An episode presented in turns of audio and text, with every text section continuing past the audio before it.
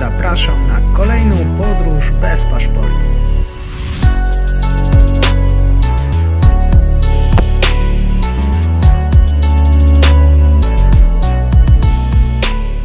E, dzień dobry wszystkim słuchaczom. E, dzisiaj łączymy się z daleką Norwegią.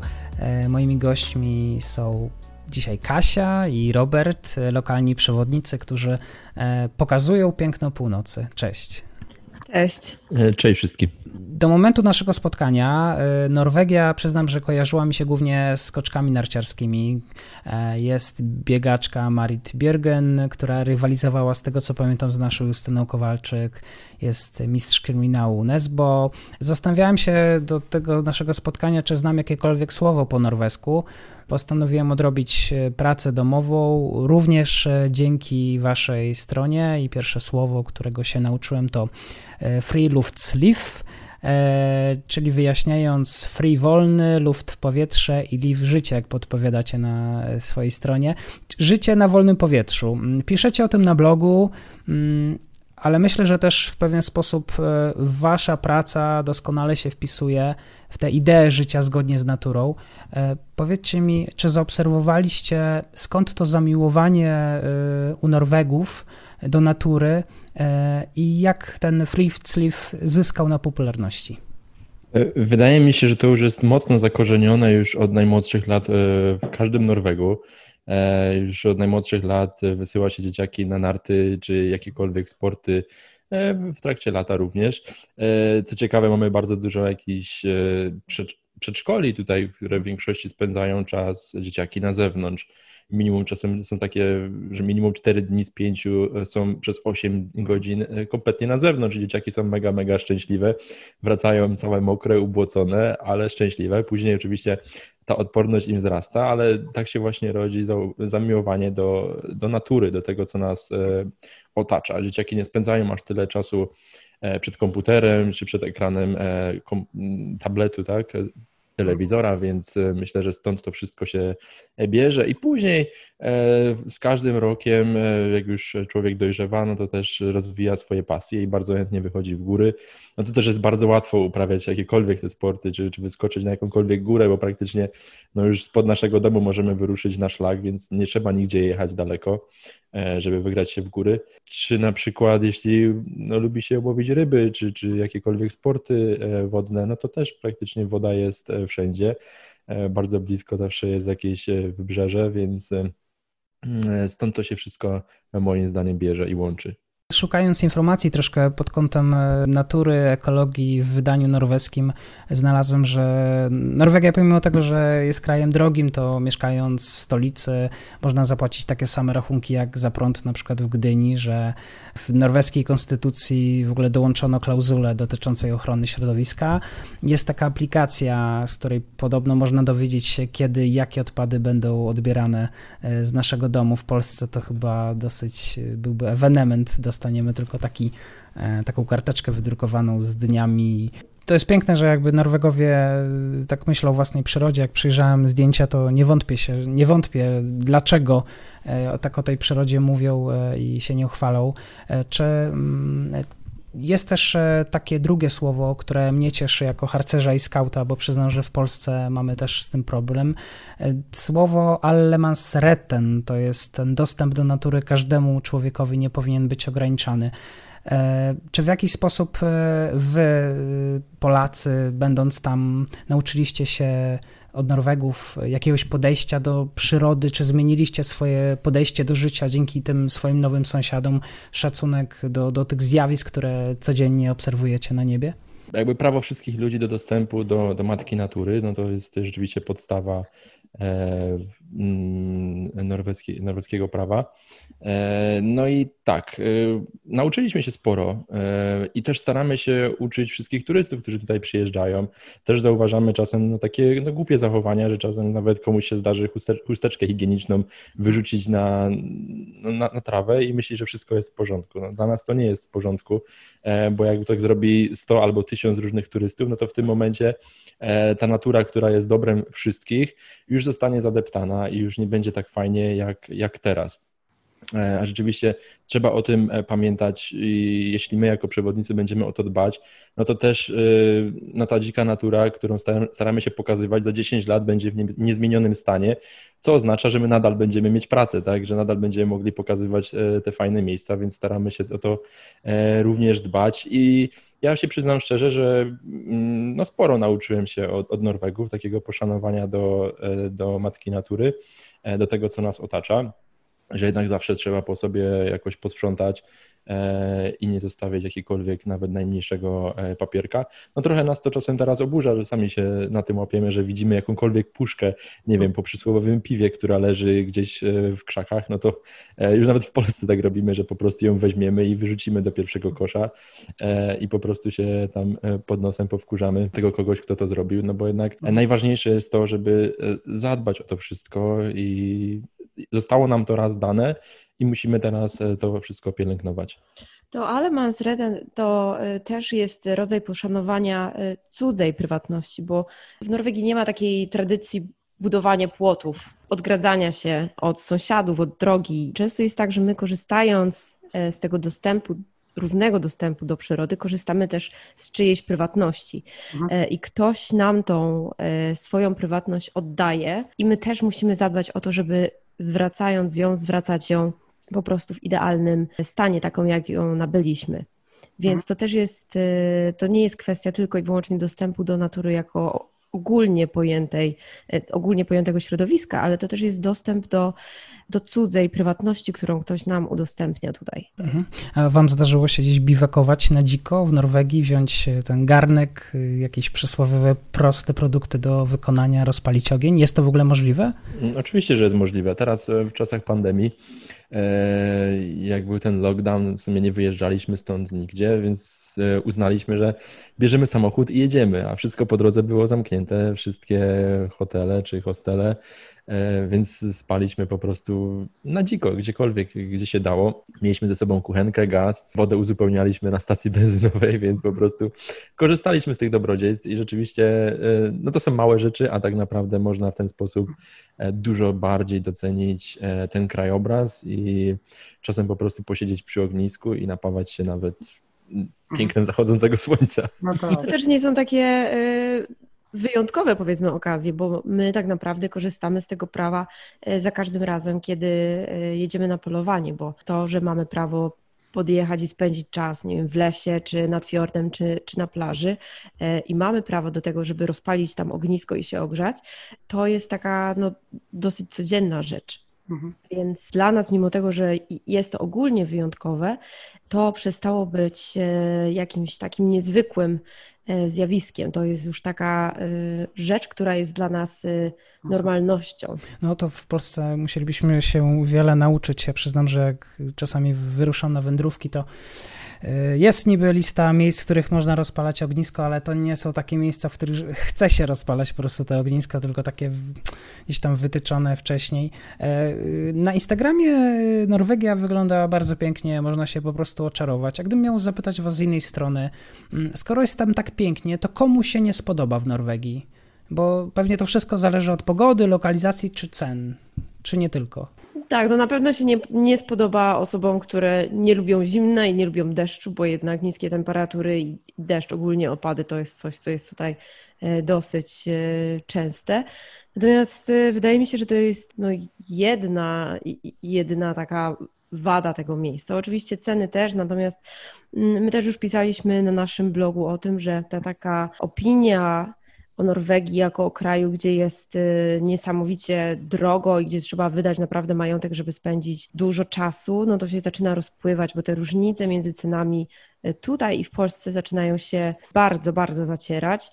E, I myślę, że, że najlepszym przykładem były tegoroczne wakacje kiedy większość osób została y, właśnie w Polsce i ceny zostały wywindowane w górę no, kosmicznie. Mhm. I, I porównując weekend spędzony w Polsce i weekend spędzony tutaj, do, doszliśmy do wniosku, że to jednak są e, bardzo podobne ceny, a biorąc pod uwagę, że tutaj e, możemy kempingować gdzie chcemy, to przy takim y, no, szerszym podliczeniu może wyjść na to, że, że Norwegia może być nawet tańsza niż Polska. Ja też myślę, że ktoś ma taki styl zwiedzania, że codziennie e, musi mieć restaurację, musi zjeść śniadanie w, w hotelowej restauracji, wieczorem jeszcze jakąś dobrą kolacyjkę, do tego e, kilka piw albo, nie wiem, butelka wina, no to wtedy może rzeczywiście e, głosić stereotyp, że Norwegia jest mega, mega droga.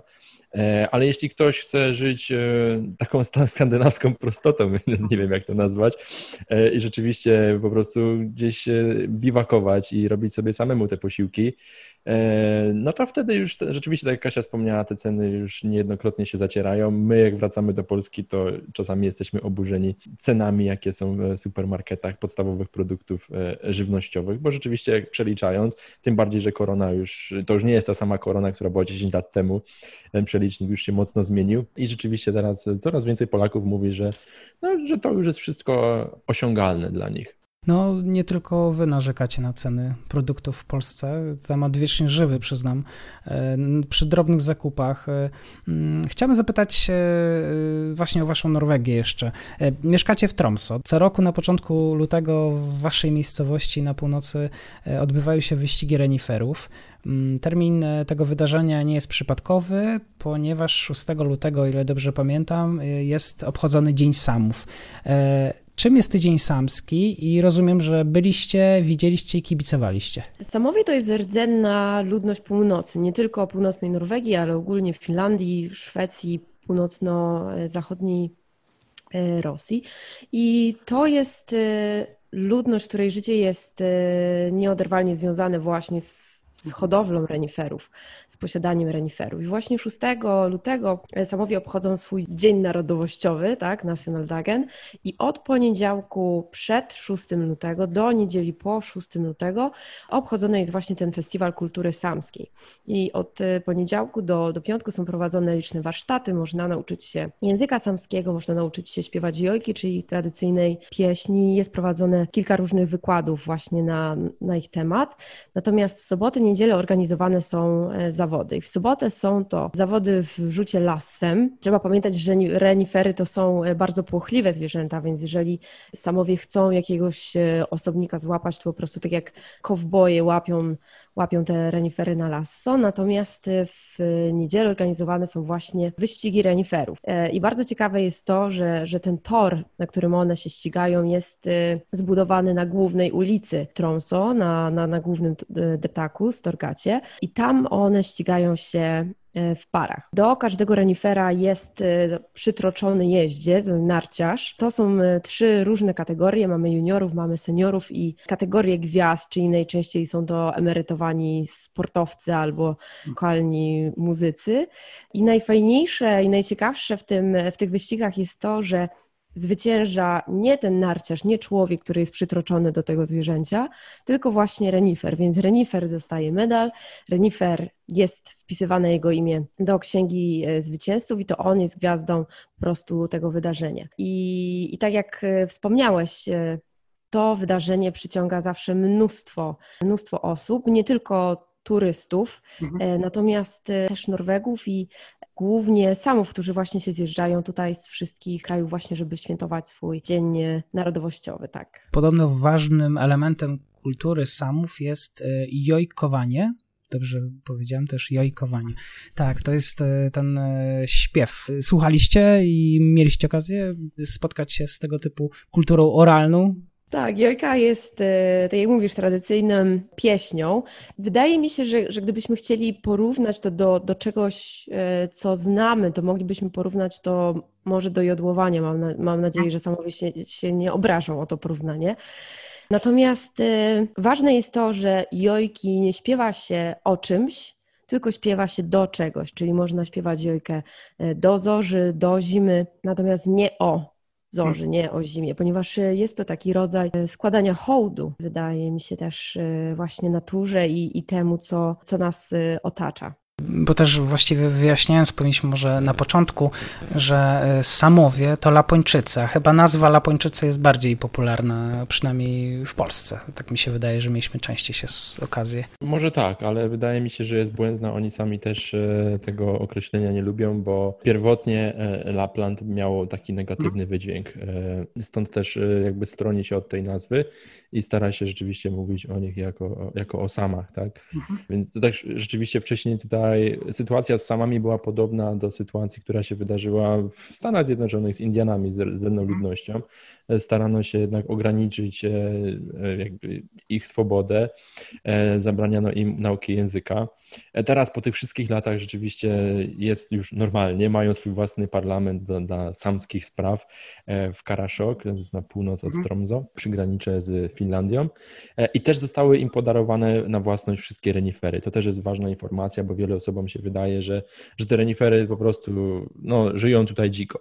One wszystkie należą do, do właśnie do samów. Jedyne dzikie renifery, jakie są w całej Norwegii, są na południu. To jest taki płaskowyż Hardanger Widda, e, ale wszystkie renifery tutaj na północy, w Tromsø, Firmark, e, myślę, że też, e, no ogólnie na całej, na całej północy Norwegii, należą właśnie do, do samskich rodzin i tylko oni mogą z tego korzystać i mieć jakiś profit. A jeszcze pytając o samów, uczestniczyliście w tym festiwalu Kautokeino, w Kautokeino, dobrze pamiętam, ten taki coroczny, przełom marca i kwietnia? Czy przynajmniej w marcu jeszcze tutaj Aha. intensywnie polujemy na zorze, więc po prostu nie było czasu nigdy, żeby do Kautokeino e, dojechać. Raz nam się zdarzyło w okolice Kautokeino dojechać, aż żeby zobaczyć zorze, e, ale nigdy nie byliśmy tam na, na tym festiwalu. No, właśnie w kontekście tych, tego festiwalu to znalazłem informację, że, że właśnie tam akurat e, nie ma wyścigów reniferów, ale ściganie na sankach i właśnie śpiewanie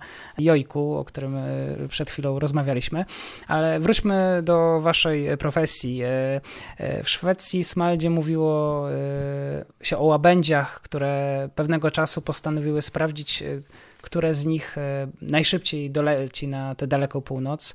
Jednak podczas lotu ptakom zabrakło sił i zamarzły na niebie i według tutaj mitologii łabędzie nadal mieszkają wysoko w górze i właśnie w momencie, w którym próbują ruszać swoimi skrzydłami, powstaje różnobarwna zorza.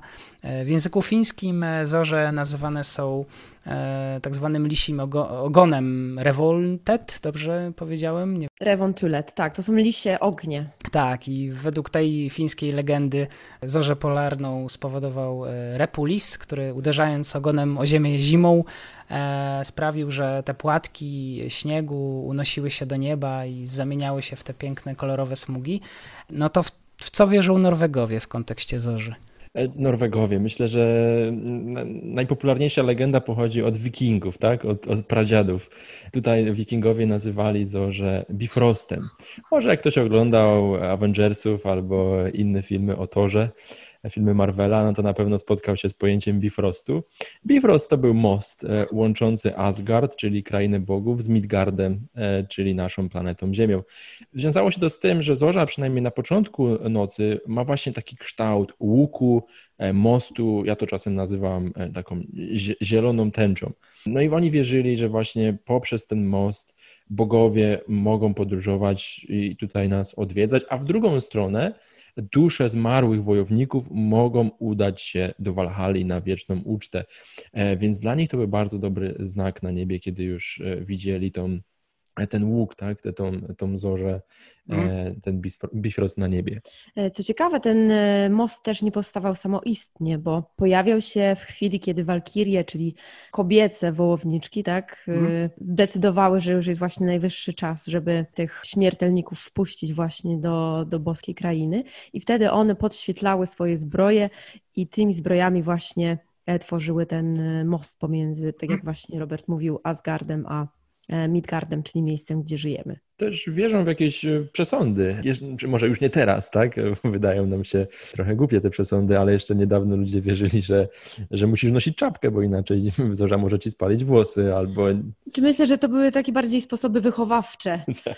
e, żeby przekonać dzieciaki, żeby właśnie czap nosiły czapki. Wtedy się mówiło, że, że zorza spali ci włosy. Albo żeby nie wychodzić, jak jest silna zorza na zewnątrz, bo, bo wtedy zorza cię może porwać. Także myślę, że to były bardziej takie wychowawcze sposoby na krnąbrne dzieci. Dokładnie, na niegrzeczne dzieci. Myślę, to była dobra metoda, żeby zostać w domu, schować się pod łóżkiem jak ta zorza, bo możecie porwać. No mi się najbardziej ta rosyjska podobała, że Zorza jest tym ognistym smokiem uwodzącym kobiety, kiedy nie ma męża e, w domu. Naszą e, ulubioną, chyba czy najbardziej drastyczną jest ta z Grenlandii.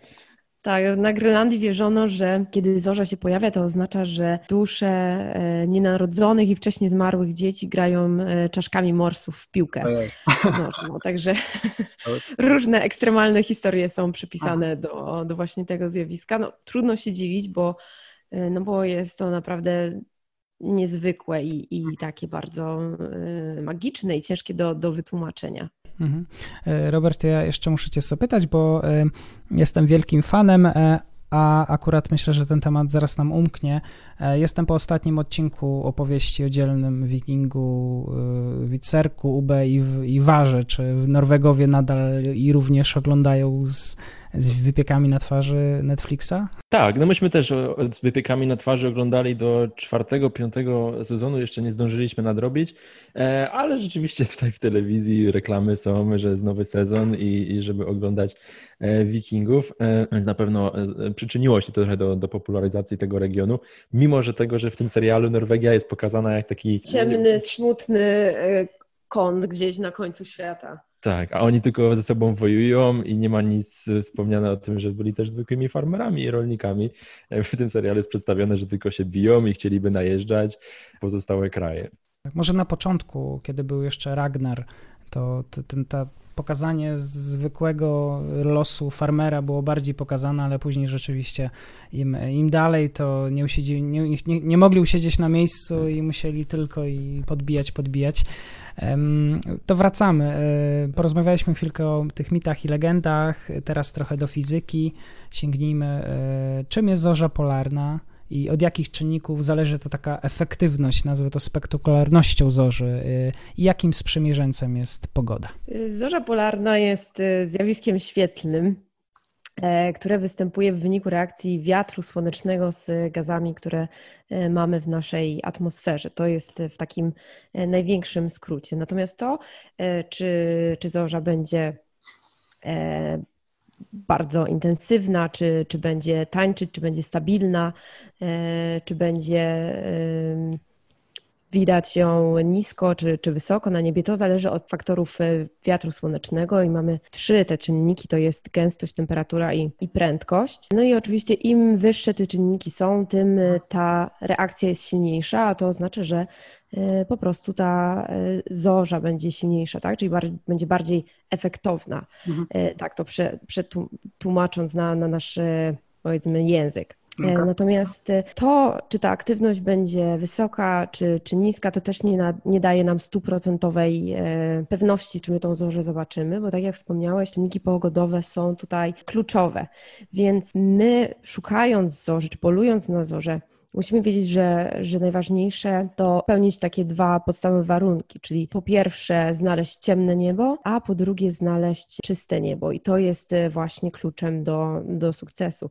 My nie jesteśmy w stanie e, przewidzieć dokładnie, o której tą zorzę zobaczymy i, i w którym punkcie ją, ją e, zobaczymy, więc musimy sobie zaplanować, gdzie pojechać i jak już jesteśmy na miejscu, gdzie rzeczywiście jest ciemno, gdzie rzeczywiście jest czysto, to musimy po prostu na nią czekać. Kasiu, uśmiechałaś się do Roberta przed odpowiedzią na to pytanie. E, rozumiem, że to ty badasz zjawiska przy, przy, przyrody, pogodę i to ty jesteś fizykiem.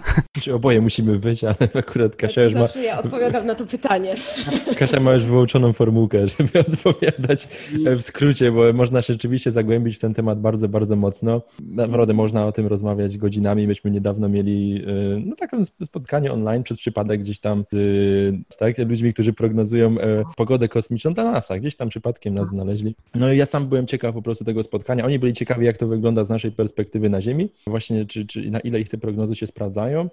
A ja byłem ciekaw też trochę bardziej, jak to rzeczywiście oni to wszystko prognozują i jaki jest ten margines błędu, więc rzeczywiście o tym można rozmawiać godzinami, bo czasem się zdarza tak, tak na przykład wczoraj był dobry przykład, że nie było żadnej prognozy, a była chyba, no wzięła nas z zaskoczenia ta zorza i była chyba jedna z piękniejszych, które, no w tym roku to na pewno, tak, już mamy 2021 początek, więc myślę, że w tym roku na pewno możemy tak śmiało powiedzieć. No i właśnie, i tak potem dążyłem do tego, jak to się w ogóle wydarzyło, że, że ta zorza zaistniała. No i doszło do pewnego wybuchu na Słońcu trzy dni temu, bo mniej więcej e, trzy dni trwa właśnie wędrówka tego wiatru słonecznego przez, przez wszechświat naszą stronę i właśnie mm, ci, którzy prognozują zorze, czy, w ogóle wiatr słoneczny, znaczy sądzili, że ten wiatr słoneczny po prostu nas minie, mhm. że nie jest skierowany w naszą stronę, po prostu gdzieś poleci w przestrzeń i nigdzie nie dotrze.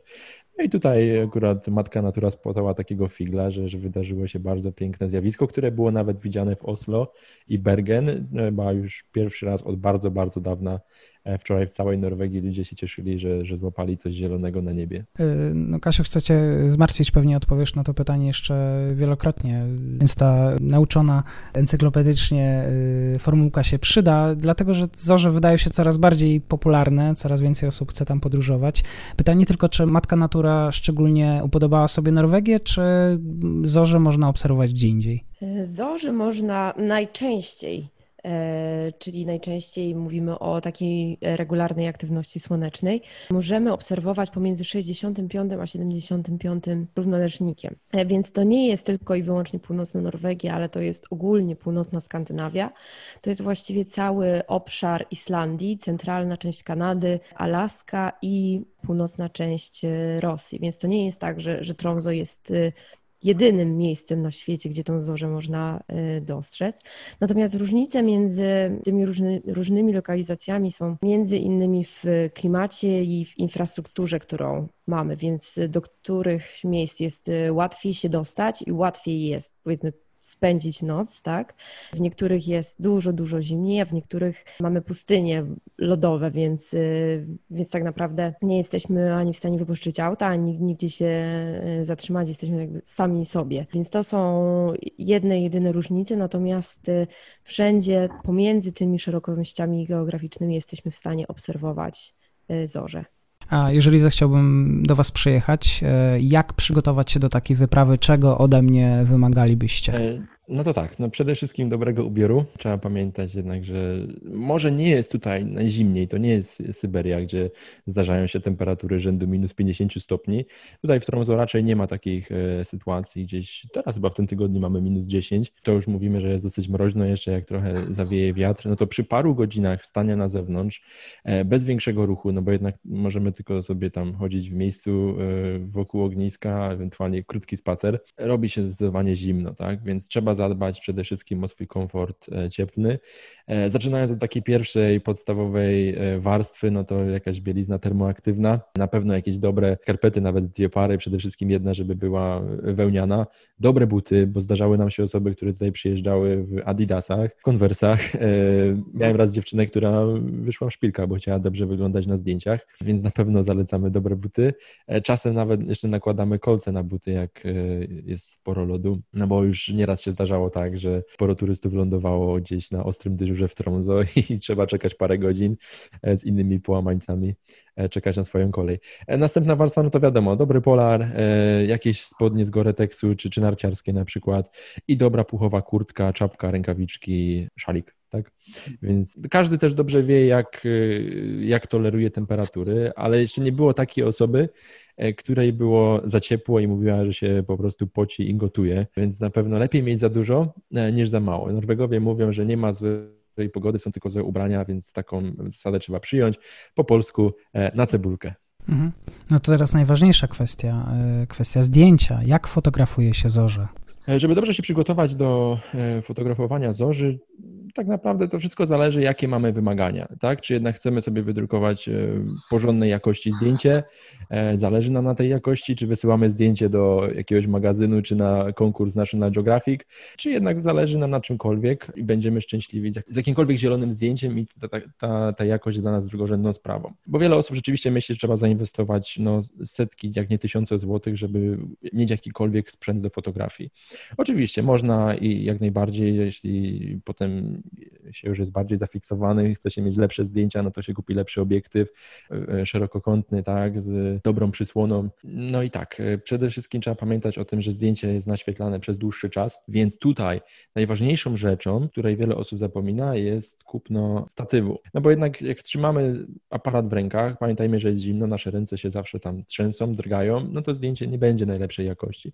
Więc rzeczywiście trzeba położyć ten aparat na statywie i wtedy będziemy no, mieli pewność, że to zdjęcie będzie ostre i będzie dobrej jakości. Jak będzie naświetlane na przykład 5, czasem 8, 10 sekund, różnie, wszystko zależy od obiektywu i od innych y, ustawień. Jest też coraz więcej dobrych y, aparatów w naszych smartfonach, o tym trzeba pamiętać. Wiele osób już, no już odchodzi od tego, żeby kupować drogą lustrzankę czy, czy, czy inny sprzęt fotograficzny i po prostu mm, jest jedna przewaga na pewno smartfonów, że masz to zdjęcie w telefonie i w tej samej sekundzie możesz wysłać swojej mamie i swoim kolegom i pokazać, że zobacz, oglądam teraz zorzę w tej, w tej sekundzie. Myślę, żeby nie reklamować tutaj, ale są takie telefony na H z Chin, na S i tam one mają właśnie e, w ustawieniach coś, co się nazywa Pro Mode i właśnie w tych ustawieniach Pro można zmienić identyczne mm, nastawy jak w profesjonalnej kamerze, czyli mówimy o długości naświetlania, o czułości ISO, o balansie bieli, więc coraz więcej rzeczywiście jest fajnych zdjęć z, z komórek. Są też takie z nadgryzionym jabłkiem. One dotychczas bardzo szybko umierały w Arktyce, w zimnych temperaturach, bo jednak są zaprojektowane w Kalifornii, ale już od najnowszych, od numerów 11 czy 12, rzeczywiście ta zorza też już jest widoczna na tych zdjęciach i są bardzo fajne te zdjęcia. No i myślę, że teraz mogę też powiedzieć, że jest jakaś różnica między zdjęciami, a tym, co widzimy na żywo. Bo jednak zdjęcie, jeśli jest naświetlane przez 2, 3, 5 sekund, w tym czasie jesteśmy w stanie no, więcej światła uchwycić e, na kamerze, tak? Więc to zdjęcie zawsze będzie inne niż to, co widzimy na żywo. I ja nigdy nie powiem, że zdjęcie jest lepsze niż to, co widzimy na żywo, e, mimo tego, że nie należy się spodziewać gołym okiem tak toksycznie zielonych kolorów, jak na zdjęciach.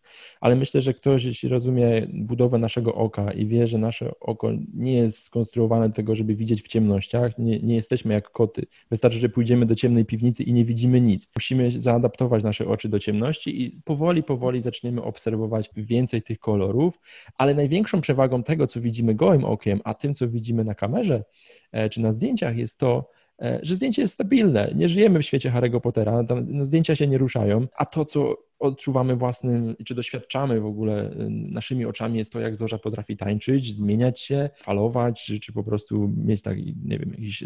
Zbierać różne kształty. Tak, no taki szalony taniec, tak, jak na przykład e, wczoraj. To jest coś, czego żadna kamera nie uchwyci i na pewno też żaden ani telefon, ani żaden film tego nie odda, bo filmy, tam trzeba rzeczywiście tą czułość i co podnieść do niebotycznych ilości i zawsze to jest kosztem e, dobrej jakości. Ten film zawsze będzie ziarnisty. Więc e, to jest całkowicie inne przeżycie i nie powiem na pewno lepsze zobaczyć to na własne oczy, niż tylko podziwiać zdjęcia. To są rzeczywiście dwa różne doświadczenia dla fotografów i dla kogoś, kto obserwuje zorze, e, ale na pewno życzę każdemu, żeby raz w życiu zobaczył to, jak ta zorza e, tańczy i zmienia się e, na niebie. Wszyscy ci, którzy nie wybierają się do Norwegii, a chcą zobaczyć e, zorze, niech sobie teraz szybko wystukają na Facebooku Cat and Rob, e, łowcy złóż. E, tam jest dużo ciekawych filmów, fotografii lub na samą stronę internetową catandrop.eu. Chciałem zapytać, rozwinąć jeszcze to, o czym mówiłeś, Robert. Wspomniałeś o tym, że te zorze przyjmują różne kształty i chciałem cię zapytać, czy te spektakle różnią się między sobą bardzo, jakie były te najbardziej spektakularne, które widzieliście? E, my zawsze uważamy, że ta ostatnia, którą widzieliśmy, tak na przykład mówimy o wczoraj, że wczoraj widzieliśmy jedną z najfajniejszych i rzeczywiście każda jest inna, niepowtarzalna. E, nigdy nie zrobiliśmy dwóch takich samych zdjęć. E, zawsze jesteśmy w innym miejscu, zawsze jest inny odbiór tego zjawiska i nawet już po czterech latach, jak tu jesteśmy, nie powiemy, że w jakikolwiek sposób nam się to e, znudziło. Myślę, że nawet mogę zaryzykować stwierdzenie, że czasem jesteśmy bardziej podekscytowani niż goście na naszych wycieczkach, którym już czasem już jest zimno i chętnie pytają, o której pojedziemy do domu czy do hotelu, a my nadal tam, może jeszcze poczekajmy, bo jeszcze, jeszcze nie nadeszło to, co ma nadejść, więc trzeba ich tam motywować, żeby jeszcze chwilę wytrwać i rzeczywiście mm, no jest ta za, za każdym razem inna i ciężko nawet powiedzieć, jakie to są kształty. E, nie potrafię opisać tego, co się mhm. dzieje na niebie. O ile na początku rzeczywiście, tak jak mówiłem, w przypadku tej legendy o Bifroście, przybiera taki kształt łuku, jest bardzo charakterystyczne, później ten łuk zaczyna się zmieniać mniej lub bardziej dynamicznie, w zależności od tego, od prędkości mhm. wiatru słonecznego i za każdym razem te kształty są kompletnie, kompletnie e, inne. Ale niech każdy, kto nas słucha, e, niech się nie zmyli, e, na zorze trzeba poczekać. Nie zawsze ona się pojawia i trzeba mieć trochę cierpliwości. Cierpliwości trzeba mieć bardzo, bardzo dużo. To trzeba właśnie przywieźć ze sobą, bo my nigdy nie wiemy, kiedy zorza się zacznie, kiedy się skończy, ile tych spektakli będziemy mieć, czy to będzie jeden spektakl dwuminutowy, czy to będzie spektakl 40-minutowy, czy będziemy mieć cztery bloki po 30 minut. Więc jest to bardzo nieobliczalne, nieprzewidywalne zjawisko i czasem rzeczywiście jest tak, że musimy na, e, na to pierwsze zjawisko poczekać kilka godzin, dwie, trzy, cztery, sześć. E, czasem jest tak, że wystarczy wyjechać za miasto 15 kilometrów i, i tak naprawdę po 20 minutach już mamy sprawę załatwioną, tak? Już jest po, po tym największym show, a czasami, tak jak wspomniałam wcześniej, musimy po prostu na nią poczekać. Mhm. Zdarza się tak, że, że przez warunki pogodowe musimy poczekać dzień lub dwa, więc y, też trzeba pamiętać o tym, żeby dać sobie więcej niż jedną szansę i nie stawiać wszystkiego na jedną kartę i planować na przykład tylko i wyłącznie w piątek, e, tylko żeby mieć gdzieś z tyłu głowy, że, że to nie jest tak prosto, że to nie jest tak łatwo, jest wiele czynników, które to wpływa na to, czyli na nasz sukces i warto próbować dwa, trzy, cztery razy. E, jeśli nie widzieliśmy zorzy za pierwszym razem, to, to na pewno mamy ko kolejną możliwość. Jeżeli udało nam się zobaczyć piękną zorzę pierwszego dnia, to możemy mieć pewność, że drugiego, trzeciego i czwartego y, zobaczymy coś kompletnie innego. Drogi słuchaczu, który chcesz się wybrać do Kasi Roberta cierpli, bez cierpliwości e, ani rusz. Na zakończenie naszego spotkania chciałbym Was zapytać, czy pamiętacie swój pierwszy spektakl, pierwszy show, wasze uczucia, kiedy zobaczyliście to na niebie? Oczywiście, od, od tego pierwszego razu praktycznie wszystko się, się zaczęło, bo to po prostu trafiło nas jak grom z jasnego nieba i, i, i zakochaliśmy się w tym i po prostu chcieliśmy kolejny raz i kolejny raz i kolejny raz y, tą zorzę zobaczyć, aż w końcu jakoś się tak stało, że jesteśmy tutaj i, i tą zorzę prawie codziennie e, oglądamy. Natomiast dla nas to też było takie szukanie po, po omacku.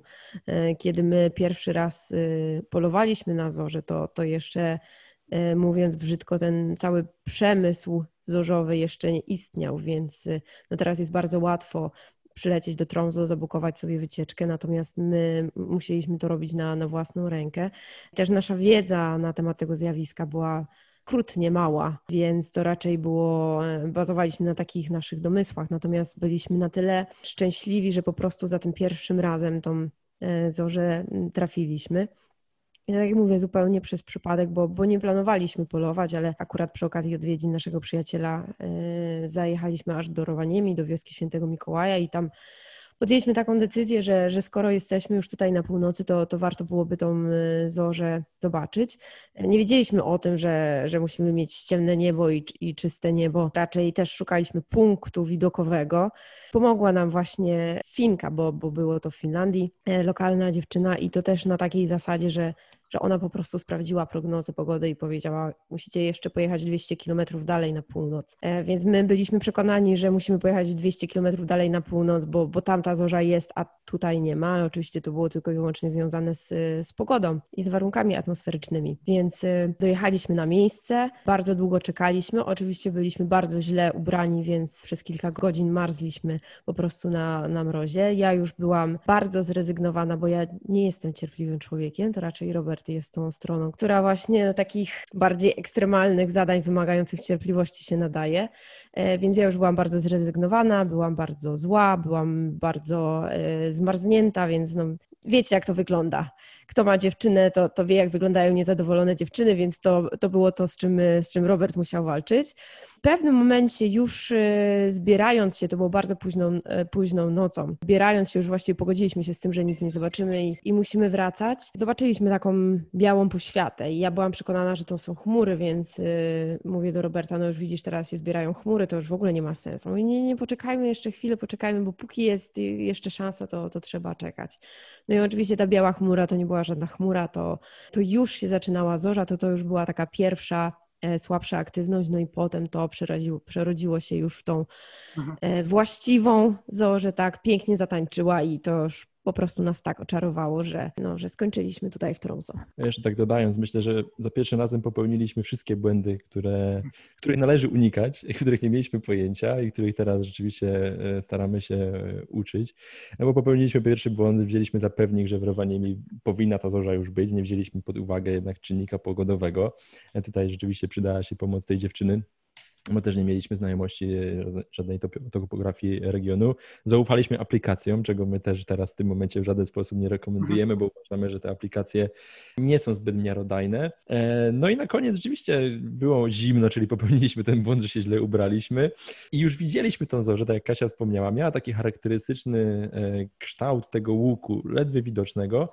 I spieraliśmy się między sobą, że nie, to może jest chmura, nie, może to jest jednak ta zorza, więc teraz wiemy, że tak się dopiero zorza zaczyna, a już prawie, prawie już, już mm, ominęliśmy, tak? Prawie nas ominęło mhm. te, te, te show. Bardzo Wam dziękuję za to, że przysyłacie trochę kolorów. E, na razie na Facebooku wszystkim tym, którzy są w Polsce, kolorów z zakoła podbiegunowego.